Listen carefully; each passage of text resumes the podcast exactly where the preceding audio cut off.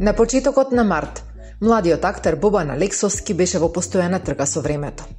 Имаше по три проби на ден, подготвуваше премиера, предаваше актерство, а денот го завршуваше на работа во ноќен клуб, бидејќи како актер без матична куќа мораше да си ги плати сметките. Ова темпо траеше се до 12 март, кога избувна пандемијата COVID-19 и на сила стапи Америките за спречување на заразата. Мене ми се затворија во ист ден и театрите и клубовите. Јас се останав буквално на улица и е, имаше еден период од две недели каде што не знаев што се случува, што пашка не сум од Скопје, фриленсер сум пет години после дипломирање на на, на ЕСРА и сум од Прилеп, живеам во Скопје, сакам да просперирам, сакам да се градам повеќе и повеќе и најна се случува тој момент. По првичниот шок, актерот решава дека нема да се предаде на летаргијата. Наоѓа работа во маркет во Скопје, бидејќи маркетите нема да бидат погодени од пандемијата. Почнува со проби и полека се адаптира на новото време, на карантини, протоколи и интернет. На почеток размислувавме за тие Zoom, за вакви Zoom средби за проби, месенџер средби за проби, меѓутоа пак е тоа интернет, пак е нешто што е поблиску до филм, не е театар. Театар е тука, пред тебе, во живо, четири очи. А, меѓутоа и тоа не функционираше затоа што ние не сме навикнати така да работиме. А, прво и прво не може од дома да не сме навикнати од дома да да одржиш пробата, што се вика. Ние како актери самостојни проби си правиме дома, меѓутоа ова е пак една колективна работа која што треба да се одржи. Па 10 луѓе да се вклучат, па дали има кој има бавен интернет, кој има брз интернет. Тие беа некои работи кои што не спречува и така да работиме. Со независниот театар Златен Елец почнуваат и проби на сцена. Не се плашат бидејќи се само неколку театарџи. Се вежба продолжението на монодрамата Дневникот на лудиот. Се прават нови планови. Кога мерките малку ќе се олабават, прават представа на отворено која се стрима онлайн – Нешто подоцна се поканети за изведба на комедијата Не ми го чепкај и пивото. Ние ја вративме представата во две недели, исто со секојдневни проби, со внимавање, со мерење температури, со чување, со многу, многу, многу работи кои што и вадат од филм кога треба ти да влезеш во пробата, меѓутоа тоа е начинот каде што треба а, денес да функционираме само така. Бевме под стрес а, за тој момент многу, баш колешката Надица пред неколку проби пред премиера се пожали на некаква болка и ние испаничивме. Меѓутоа не беше не се работеше за никаква температура. Со голема предпазливост, како што кажав, се одвиваа пробите до крај сите останавме здрави, прави и се надевам така ќе остане и понатаму. Пет месеци од пандемијата во земјава, Алексоски е задоволен од она што го има сработено во време на корона криза. Додека големите театри остануваат затворени, независниот театар ја добива својата шанса. Младиот актер изигра шест представи под ведро небо, а има и најави за нови, под строги протоколи. Сите театри може да функционираат, еве ние имаме искуство со театар Златен Елец и сме доказ дека може да се функционира со голема предпазливост и почитување на протоколите. Затоа што ова исчекување кое што се случува може да трае долго, а театарот не може да мирува. По првиот шок и организаторите на фестивали решија дека нема да мируваат. Март беше тежок месец за младата Сара Фером од Македокс. За потребите на фестивалот на креативен документарен филм, на почетокот на март замина во Словенија. Враќањето назад беше лошо искуство, а заглави две недели во државен карантин. Сепак, во тој момент, месец август, кога вообичаено се одржува Македокс, се чинеше далечен.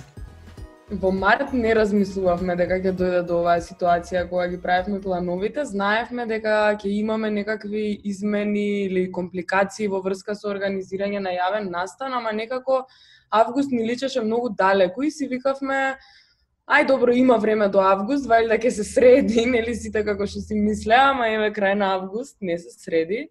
Мислам, ние сме многу срекни што воопшто можеме да го одржиме физички фестивалот, бидејќи најголемиот дел од филмските фестивали по Европа сите се одржаа онлайн периодот. Принудени да се адаптираат на новото време, од Македокс почнуваат да го менуваат пристапот. За прв пат во 11 години постоење, фестивалот годинава нуди хибридно издание. По посебни протоколи се организираат филмски проекции под отворено небо за ограничен број посетители, а програмата се сели онлайн. Искрено, јас се надевам дека е привремено нешто, бидејќи физичкиот контакт и правењето на активности е многу позначено него онлайн. Веќе многу работи поминавме онлайн и некако свативме дека не е, не е исто како да си тука присутен во живо и работилниците кои ги имавме онлайн истото го кажуваат сите и кои учествуваат дека не име убаво на овој начин и веројатно сите длабоко во себе се надеваме дека ова нема да биде иднината и дека ќе може да се вратиме на нормално функционирање, меѓутоа е добра замена бидејќи може сепак да се случат работи и многу луѓе имаат пристап. Според протоколите, публиката годинава следи проекции со маски. Се мери температура на влез, се одвојуваат столчињата. Сепак, Феро се надева дека пандемијата ќе ги научи луѓето повеќе да ги ценат работите што предходно беа секојдневија. Мислам дека не научи многу повеќе да ги цениме оние работи кои што сме биле навикнати цело време да ни бидат тука присутни. Например, мене многу ми фали да отидам на настан. Нели, веројатно на сите ни фали. Мислам дека научивме повеќе да ги цениме културните настани. А во однос на фестивалите се надевам дека ќе бидат повеќе ценети, да, и од генералната публика и од државните институции, дека ќе се даде поголема поддршка, бидејќи тоа го кажавме и на нашиот прес, луѓето кои што работат во организација на фестивали се исто така многу погодени од кризата и не беа најдени во многу мерки од државата. Кризата сериозно ги погоди и музичките фестивали. Во март, организаторите на Д фестивал го планира најпосетеното тридневно јубилејно издание за почетокот на јули. Но, како што вели Ангела Кунгуловска од продукцијата Пасворд, никој не можел да предвиди како ќе изгледа новото нормално. Во март месец нормално не не очекувавме дека ова ќе продолжи да се случува толку долго. Наискрено на сите состаноци што ги имавме, си рековме дека ќе помине за скоро и дека се ќе продолжи да, да се одвива најнормално. Но ете, не се случи тоа. Нашата индустрија, музичката индустрија беше прва на удар на, од коронавирусот. Како минувало времето, така и во паспорт почнуваа да се адаптираат на новините. Сите промени, вели Ангела, ги сватиле како нов предизвик. Но исто така додава дека во ниту еден момент не се откажале од идејата дека Д фестивал ќе се одржи. За почеток, најважно било да се направат протоколи, според кои повторно ќе се овозможи организирање на музичките настани. Откако институциите ги прифатиле предложените протоколи, Д фестивал прво се одложува за крајот на август, а потоа се скратува на една вечер.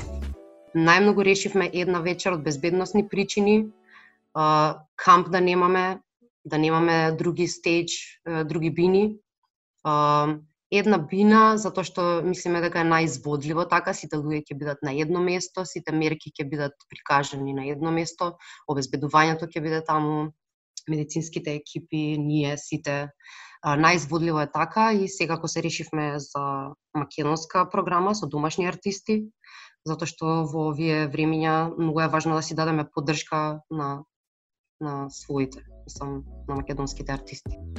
Кунгуловска вели дека во моментов најважно им е безбедноста на посетителите и инсистираат на почитување на мерките за заштита од COVID-19. Сепак, додава, покрај физичкото, важно е и психичкото здравје. Затоа вели, културата мора да биде дел од секојдневието. Ко најпогодена индустрија, ние немавме ниту еден концерт годинава.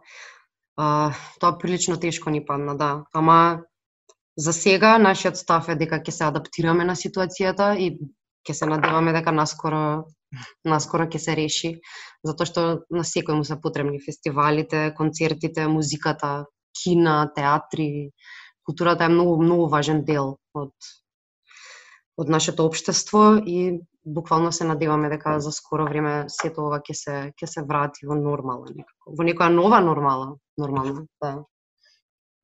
А и Најскрено, вака да фестивал годинава го организираме како како мала школа за како како се повеќе во иднина да се пазиме, да се чуваме, да внимаваме едни на други.